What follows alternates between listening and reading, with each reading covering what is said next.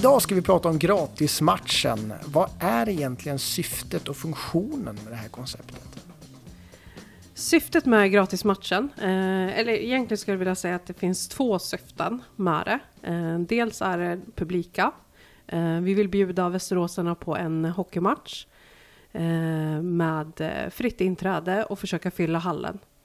Och sen är det den ekonomiska aspekten. Ehm, där gratismatchen är en eh, jätteviktig in intäktsfunktion i vår budget. Och vad betyder det här då för klubben? För du är inne på att det ligger redan med i budgeten så det är en ganska viktig funktion det här. Ja, det stämmer bra. Eh, vi planerar in den här gratismatchen redan eh, från början och eh, det här kan man väl säga är den stora sista pusselbiten i företagsmarknadsförsäljning och då finns det säkert de som undrar vad går pengarna till? Nu är det ju saker som kommer in i slutet av säsongen så jag antar att allting kanske inte bara ramlar ner i någon värvapott utan det finns väl större saker än så. Ja, exakt. Eh, som jag var inne på så är ju gratismatchen redan budgeterad från början. Eh, och det innebär ju att liksom kostnaderna som eh, den här intäkten ska täcka har vi ju redan eh, inplanerade under säsongen. Eh, men fortfarande en otroligt viktig del likviditetsmässigt. Eh, att vi har den nu och har ett liksom jämnt flöde av ekonomin under hela säsongen. Historiskt sett så har det handlat mycket om företagspartners som bidrar till gratismatchen. Det här konceptet sträcker sig tillbaka till, ja i alla fall runt 2015 någonstans där i krokarna. Men på senare tid har man också engagerat privatpersoner. Hur har ni resonerat där med att få in den delen i det här? Ja, det stämmer ju bra. Till I början eh, var det ju bara ett koncept som riktade sig till företagsmarknad. Men vi har ju känt efter tid att eh, efterfrågan att kunna få bidra hos privatpersoner har, har växt. Eh, och därmed har den liksom, privata delen i gratismatchen växt år för år. Men gör det någon skillnad då? Privatpersoners bidrag kanske är lite mindre jämfört med företag. Hur ser ni där? Just när vi kommer till gratismatchen så är det ju verkligen alla bäckar små och det är ju varenda krona eller till och med tioöring värdefull. Så att eh, det, a, a, alla bidrag gör skillnad. Sen kan vi också klargöra också, det finns ju en, en, en mekanik eller ett system i hur det här fungerar. Företagspartners lägger ju en krona per åskådare. Är det fullt så är det 4000 400 någonting. Ja, no, ja. vi säger så. Ja. det finns en exakt siffra. Men då är det, de lägger alltså en krona per åskådare. Eh, privatpersoner kan väl bidra med fritt belopp och lite hur man vill där, är det inte så? Ja, eh, stämmer bra. Vi har ju, man kan bidra med fem eh, nej, ett öre, fem öre och tio öre per åskådare. Eh, mm. Så att då pratar vi om totalt ett, några hundra lappar.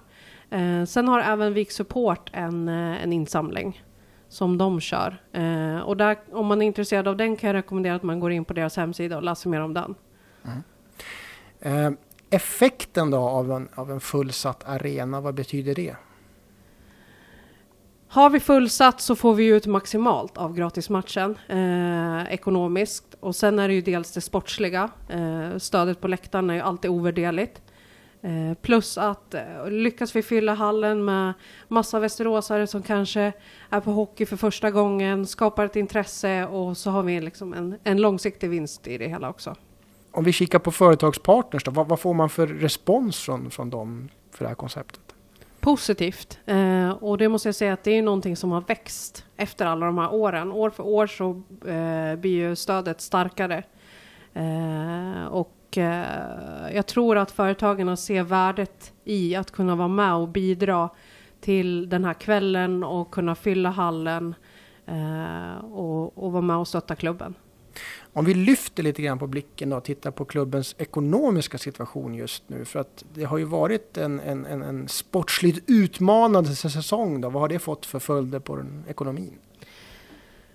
Ja, som du säger där så att har vi ju inte klaffat i riktigt sportsligt den här säsongen eh, och det har ju satt sina spår på publiksiffrorna eh, och det i sin tur påverkar ju oss ekonomiskt.